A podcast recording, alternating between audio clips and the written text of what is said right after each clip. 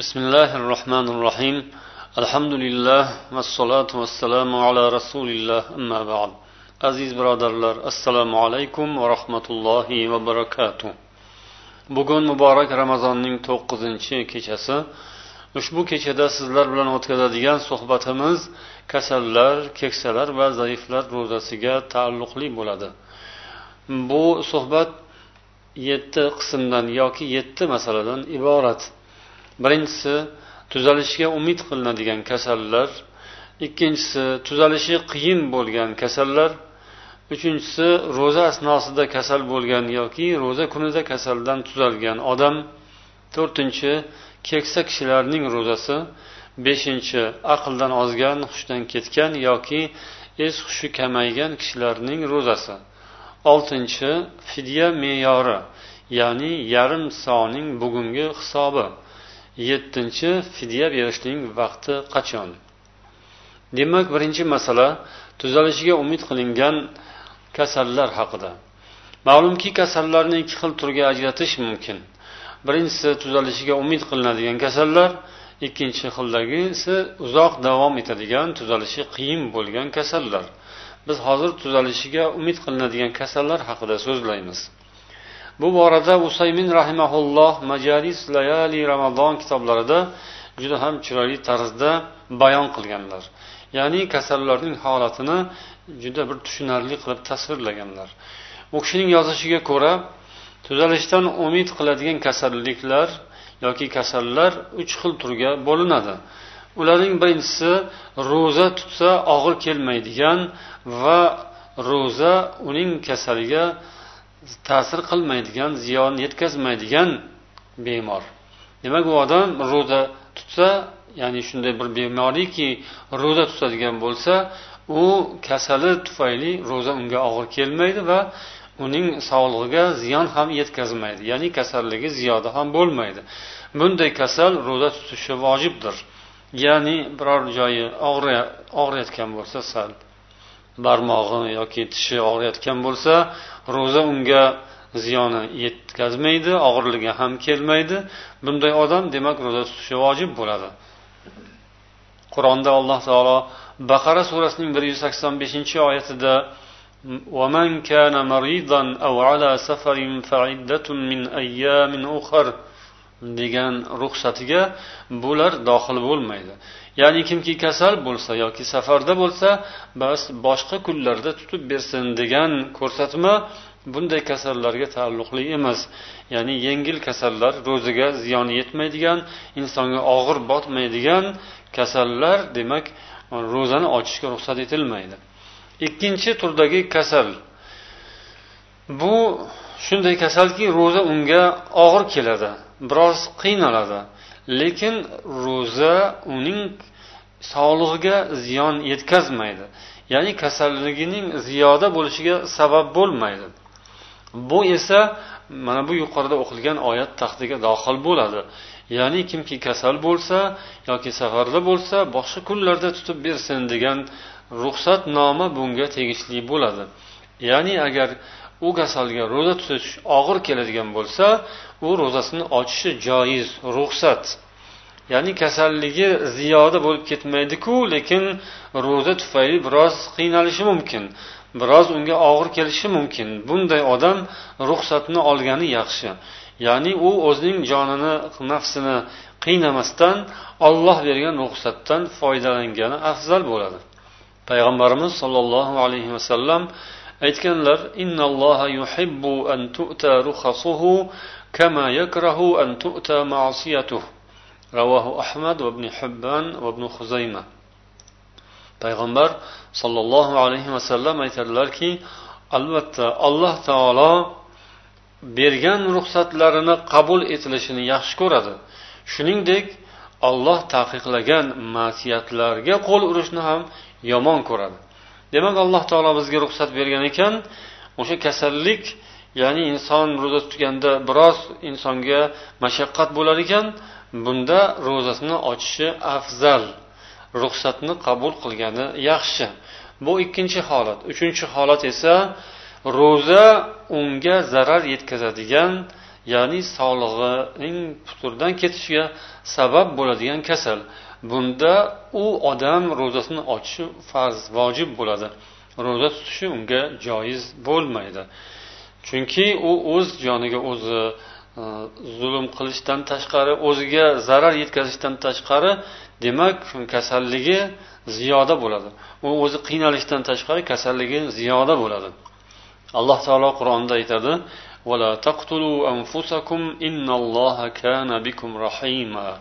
o'zlaringizni o'zingiz o'zingizni o'zingiz o'ldirmangiz. Alloh taolo shubhasiz sizlarga nihoyatda mehribondir degan niso surasi yigirma to'qqizinchi oyatda. Yana olloh baqara surasining bir yuz to'qson beshinchi oyatida degan. O'zingizni o'zingiz halokatga tashlamangiz degan.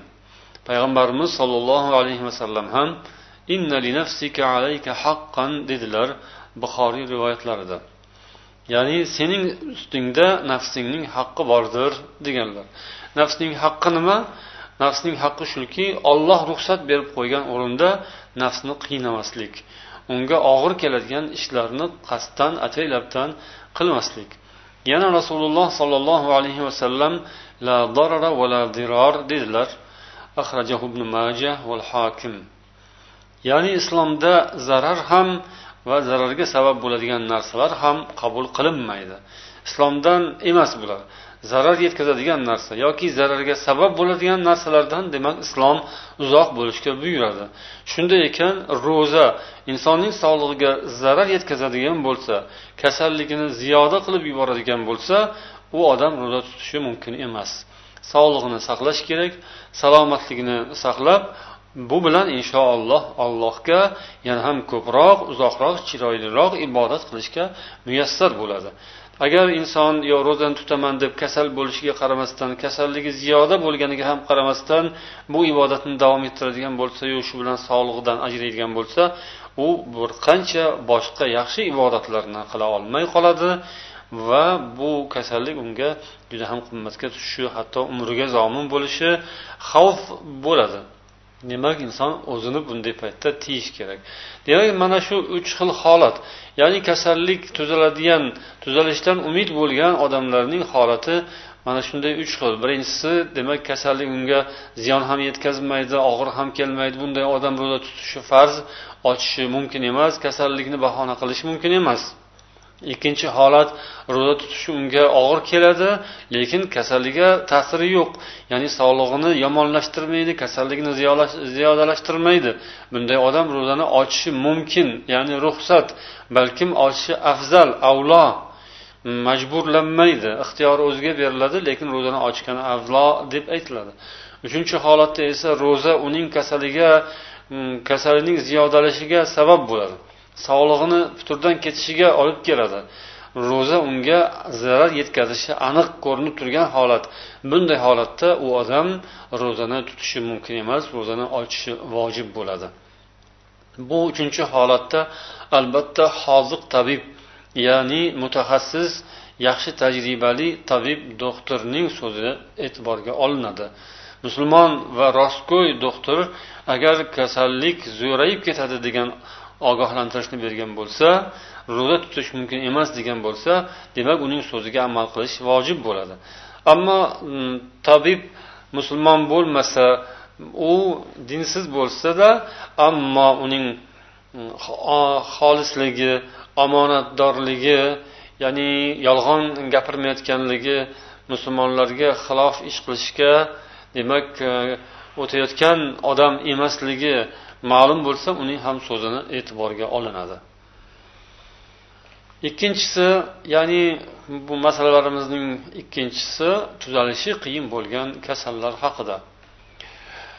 Kasallik agar tuzalishdan umid uzilgan kasal bo'lsa yoki uzoq davom etadigan kasallik bo'lsa tuzalishi qiyin kasalliklar bo'ladigan bo'lsa unday insonlarga ro'za tutish vojib bo'lmaydi.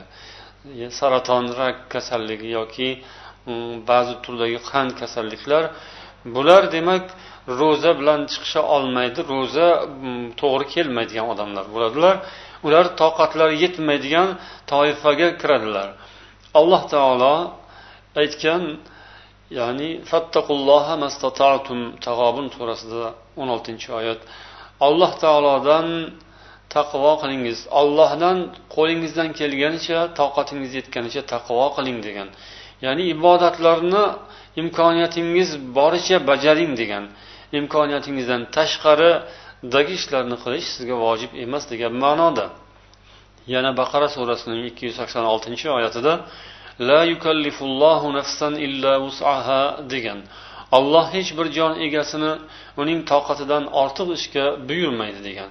Demak bunda insonlar kasalliklari uzoq davom etayotgan bo'lsa va yana kasallikka Um, bu ro'za e, ta'siri bo'ladigan um, qiynaladigan bo'lsalar ular demak ro'za tutmaydilar. Ammo yuqorida o'tdiki kasalliklar e, agar insonning ro'zasi kasalligiga ta'sir bo'lmasa kasallik ziyoda bo'lmasa unda ro'zani tutaveradi. Ammo bu yerda demak kasal uzoq davom etadigan va shu bilan bir qatorda inson ro'za tutishi unga zararli bo'lgan kasallar ro'zani tutmaydilar. Lekin ular tutmagan kunlari uchun bir miskinning qornini to'yg'azadigan miqdorda fidya berishlari vojib bo'ladi. Chunki alloh taolo mana shu muqobil e, holatni o'zi buyurgan. Avvalda bu ixtiyoriy bo'lgan ya'ni ramazon boshlanganda hamma ro'za tutishi bir xilda farz emas balkim kimdir ro'zani tutishi mumkin toqati yetsa ammo xohlasa kimdir taom berishi fidya berishi mumkin degan tarzda boshlangan ammo keyinchalik barchaga demak ro'za tutishga qodir bo'lgan barchaga ro'za farz bo'ldi ya'ni ixtiyoriylik ketdi. Xohlasa tutsin xohlasa fidya bersin degan masala demak to'xtatildi va barchaga barobar farz bo'ldi.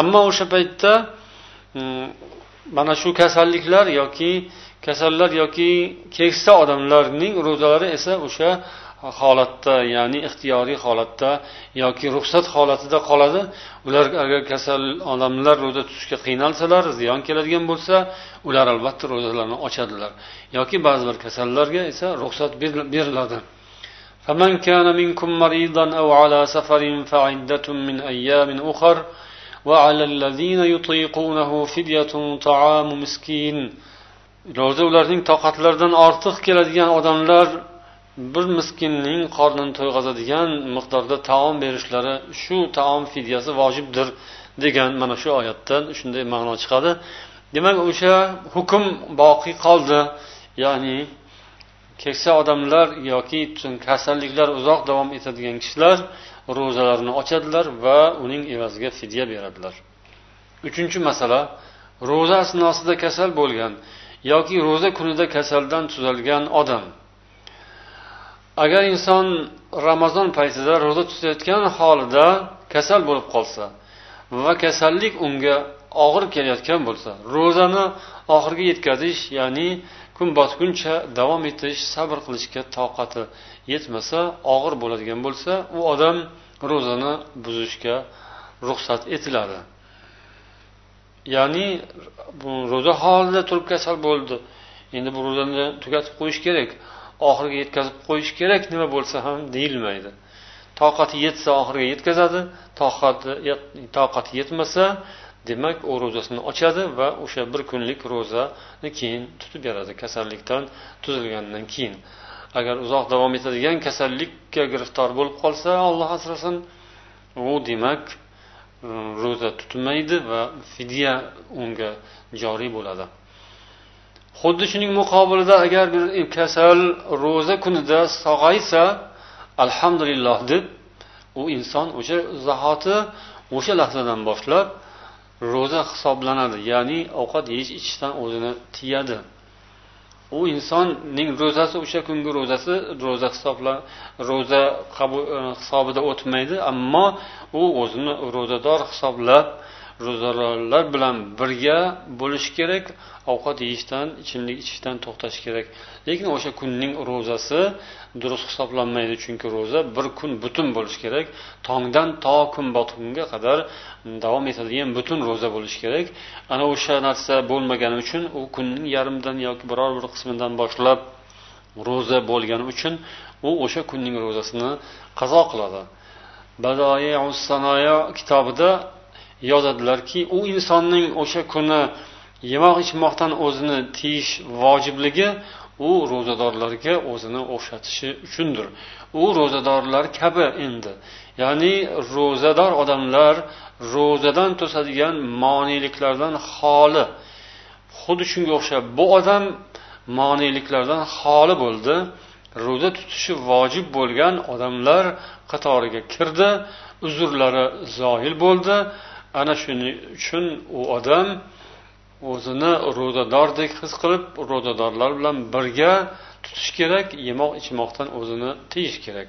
Buning misoli xuddi sabiy go'dak balog'at yoshiga yetsa ya'ni shu ramazon kunlaridan birida yoki musulmon bir kofir musulmon bo'lsa va yoki majnun aqli joyiga kelsa hayz ko'rgan ayol pok bo'lsa yoki musofir odam safardan qaytib kelsa mana shularning barchalari uzrdan xoli bo'lgan bo'ladilar. Demak ularni ro'za tutishlari vojib bo'ladi. O'sha kundan o'sha lahzadan boshlab ular ro'zador sanaladilar. Bularning ba'zilari demak ro'zani qazo qiladi ba'zilari qazo qilmaydi. Masalan musofir mm, kelgan zahotidan albatta Э, ro'zador hisoblanadi lekin o'sha kunning ro'zasini u demak keyin boshqa kuni tutib beradi. Hayzli ayol ham hayzdan pokiza bo'lgan kundan boshlab yoki lahzadan boshlab yemoq ichmoqdan o'zini tiyadi lekin o'sha kunning ro'zasini keyin tutib beradi. Ammo majnun va kofirning misoli yoki bolaning misoli esa boshqa u o'zi keladi inshaalloh to'rtinchi masala keksa kishilarning ro'zasi. Keksa kishilar yoki kampirlar bularning zimmalarida demak ro'za agar ular toqatlari yetsa vojib lekin toqatlari yetmaydigan bo'lsa ular ham ro'zadan ozod qilinadilar va fidya beradilar. Buxoriy rahimaulloh abdulloh ibn abbosdan rivoyat qilib aytadilar laysat bimansuhatin ya'ni yuqoridagi oyat فمن كان منكم مريضا أو على سفر فعدة من أيام أخر degan oyat bu mansux bo'lgan emas yana degan iborasi ham bor ya'ni ro'za ularning toqatini toq qiladigan odamlar ro'zadan ozod qilinadilar degan hukm ular fidya beradilar degan hukm ba'zilar mansux bo'lgan deyishgan lekin abdulloh ibn abbos bu mansux emas balki keksa erkak keksa inson va keksa ayolga nisbatan bu hukm joriy etiladi. Demak bu amalda bu oyat mansux bo'lgan emas. Demak bu ikki inson ya'ni keksa kishi va keksa ayol ro'za tutishga toqatlari yetmasa har bir kun uchun bir miskinning qornini to'yg'azishlari fidya berishlari vojib bo'ladi deydilar. Ya'ni mana shu oyatdan shu hukm kelib chiqishini bayon qiladilar. Alloh taolo yuqorida aytganimizdek tag'obun surasida fattaqulloha degan ekan allohdan toqatingiz yetganicha taqvo qiling degan yana olloh insonlarning toqatidan ortiq ishga buyurmaydi degan shunday ekan demak keksa kishilar ro'za tutish agar ularga og'ir keladigan bo'lsa har bir kunlari uchun fidya berishlari mumkin yoki toqatlari yetsa ular ro'zani tutishlari mumkin. Fiq kitoblarida bunday insonlarni shayx foniy degan ibora bilan ta'riflashgan ya'ni foniy degani yo'q bo'luvchi degani. Shayx foniy ya'ni dunyodan ketishi yaqinlashgan umri poyoniga yetib qolgan inson degani yoki quvvati ketgan quvvatdan ayrilgan inson degani. Ana shunday kishilar demak ro'za tutishdan ozod etilib ular fidya berishlari lozim bo'ladi. Fidyani demak yarim so miqdorida bug'doydan yoki undan yoki guruch shunday narsalardan yarim so miqdorida ular fidya berishlari vojib bo'ladi. Fidyani har bir kun uchun beradilar. Uni shundaycha xomicha berishlari ham mumkin yoki ixtiyorlari agar xohlasalar uni pishirib mm, mehmonga chaqirib ovqatlantirishlari ham mumkin. Ya'ni qorni to'yadigan miqdorda insonni ovqatlantirishlari mehmon qilishlari mumkin yoki xomisha berishlari mumkin. Beshinchi masala aqldan ozgan hushdan ketgan yoki es hushi kamaygan kishilarning ro'zasi. Alloh taolo bergan ulug' ne'matlardan biri aql.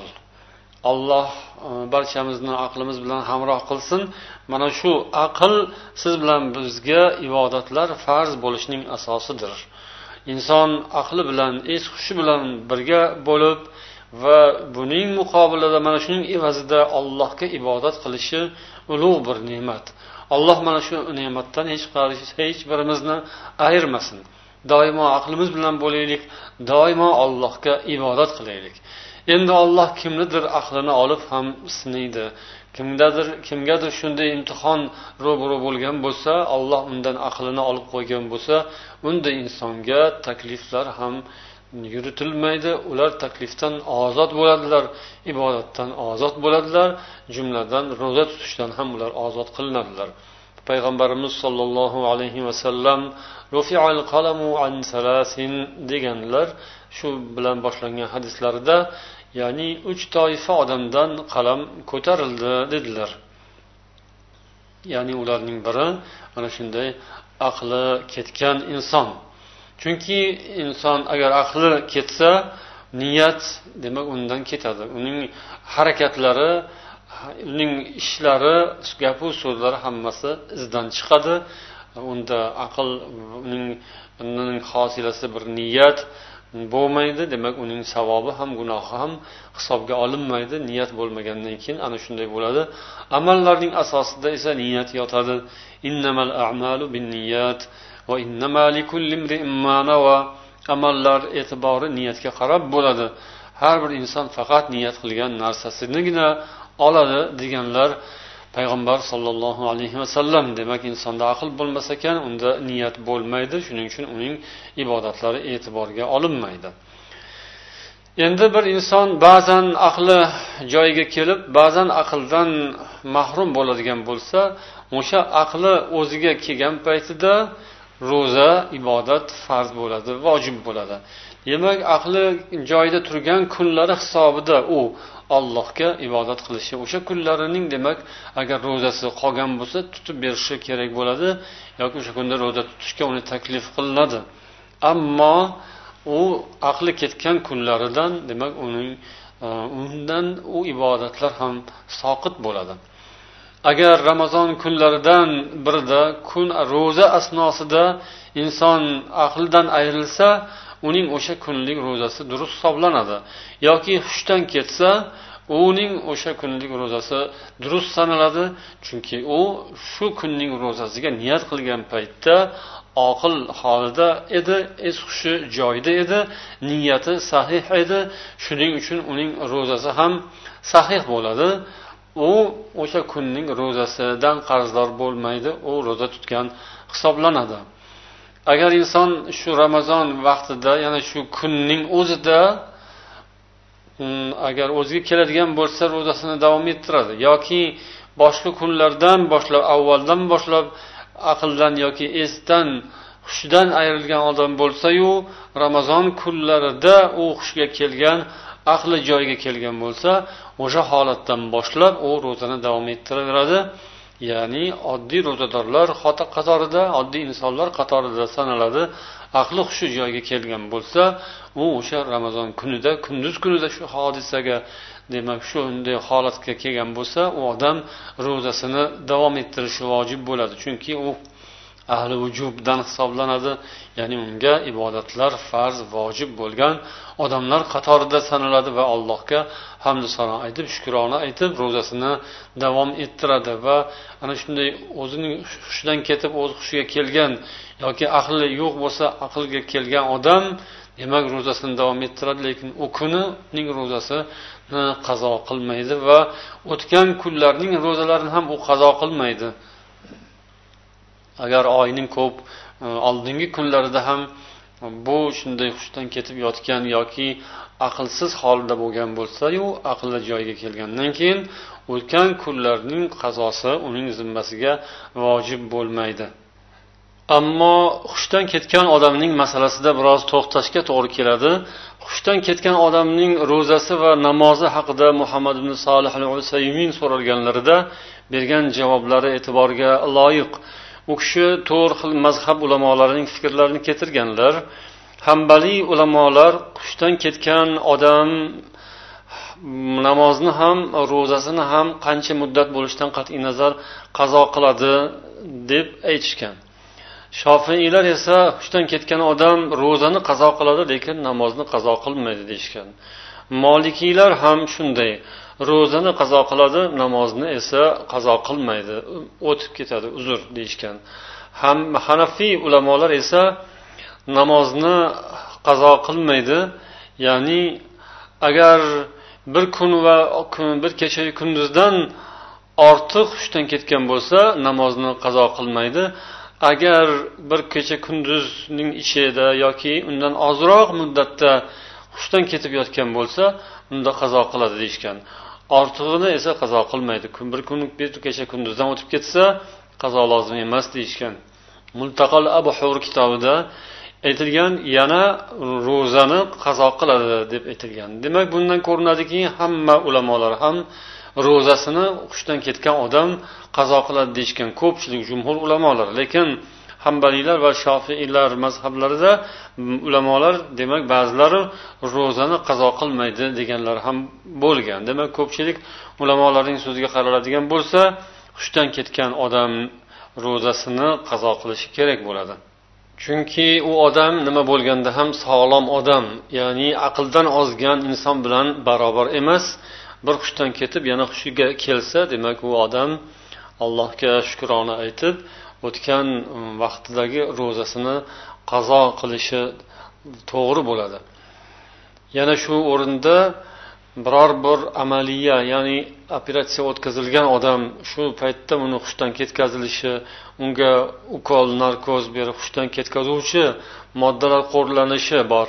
Mana shunday odamning hukmi ham hushdan ketgan odamning hukmiga barobar. U ham hushdan ketgan odamga joriy bo'ladigan hukmlarga rioya qilish kerak bo'ladi. Ya'ni u ham o'zi esi hushi joyiga kelgandan keyin demak ibodatlarni qazo qilish kerak bo'ladi. Es hushi kamaygan keksa odamning ro'zasiga keladigan bo'lsak agar inson keksayib aqli ham biroz kamaygan bo'lsa es hushi kamayib qolgan bo'lsa e, o'zi nima deyayotganini bilmaydigan holatga yetgan bo'lsa u tamyizdan demak ajralgan hisob bo'ladi. Ya'ni tamyiz yaxshi bilan yomonni to'g'ri bilan noto'g'rini ajratish quvvatidan ayrilgan odam holatida bo'ladi va u ham ro'za va boshqa ibodatlardan ozod etiladi va unga hech narsa lozim bo'lmaydi. U fidya berishi ham unga lozim bo'lmaydi.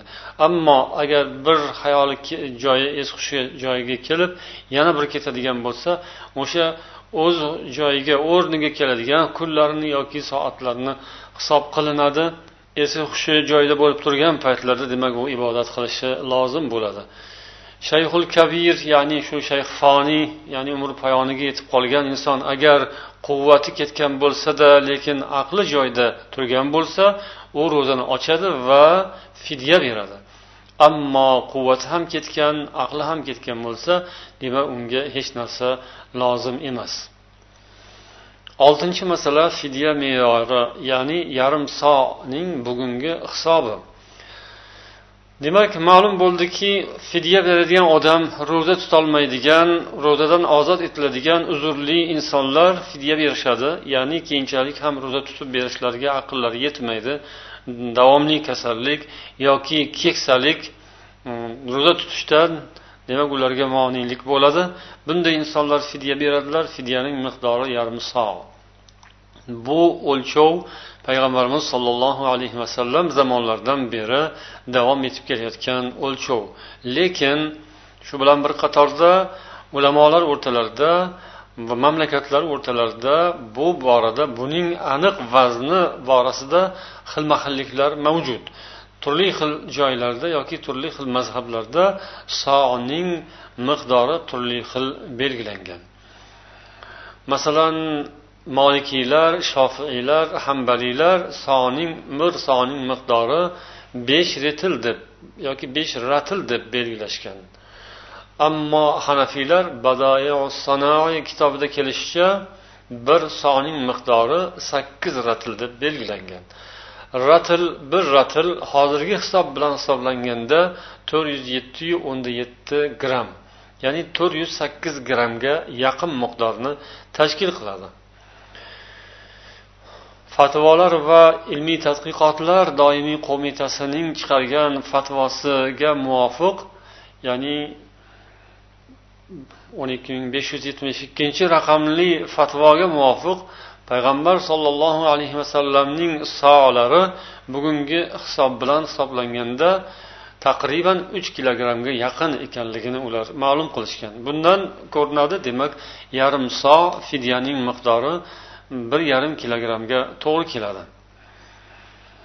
Jumhur ulamolarning hisoblariga ko'ra qaraydigan bo'lsak demak bir so ular to'rt yuz yetti o'nda yetti gramm buni besh ratlga ko'paytirsak ikki ming o'ttiz sakkiz yarim gramm bo'ladi.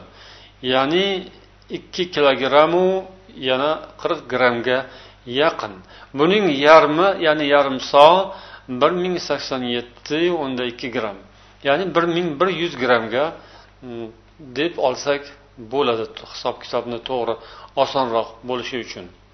Usayminning hisoblarida ham mana shunga keladi. Ya'ni u kishi bir soni ikki kilogrammu qirq gramm deb belgilaganlar. U hisob bo'yicha uning yarmi bir kilo yigirma grammga to'g'ri keladi. Demak hanafiylar nazdlarida esa bu bir kiloyu oltiyu o'ttizga to'g'ri keladi. Ya'ni hanafiylar nazdlarida bir so mm, uch kilogramm ya'ni uch ming ikki yuz oltmish bir gramm olti. Buning yarmi bir kiloyu olti yuz o'ttizu o'nda sakkiz. Bir kiloyu olti yuz o'ttiz gramm yana sakkizni ham qo'shib qo'yasiz. Demak bir yarim kilodan ortiq. Lajnaning fatvosida bir yarim kilogramm deb belgilangan. Demak bu hisoblarni qaysi birini inson qabul qilsa ham to'g'ri bo'ladi inshaalloh. Chunki bu narsa qat'iy belgilanmagan ulamolarning ijtihodlari bilan chiqariladigan xulosalar. Yettinchi masala fidya berishning vaqti qachon?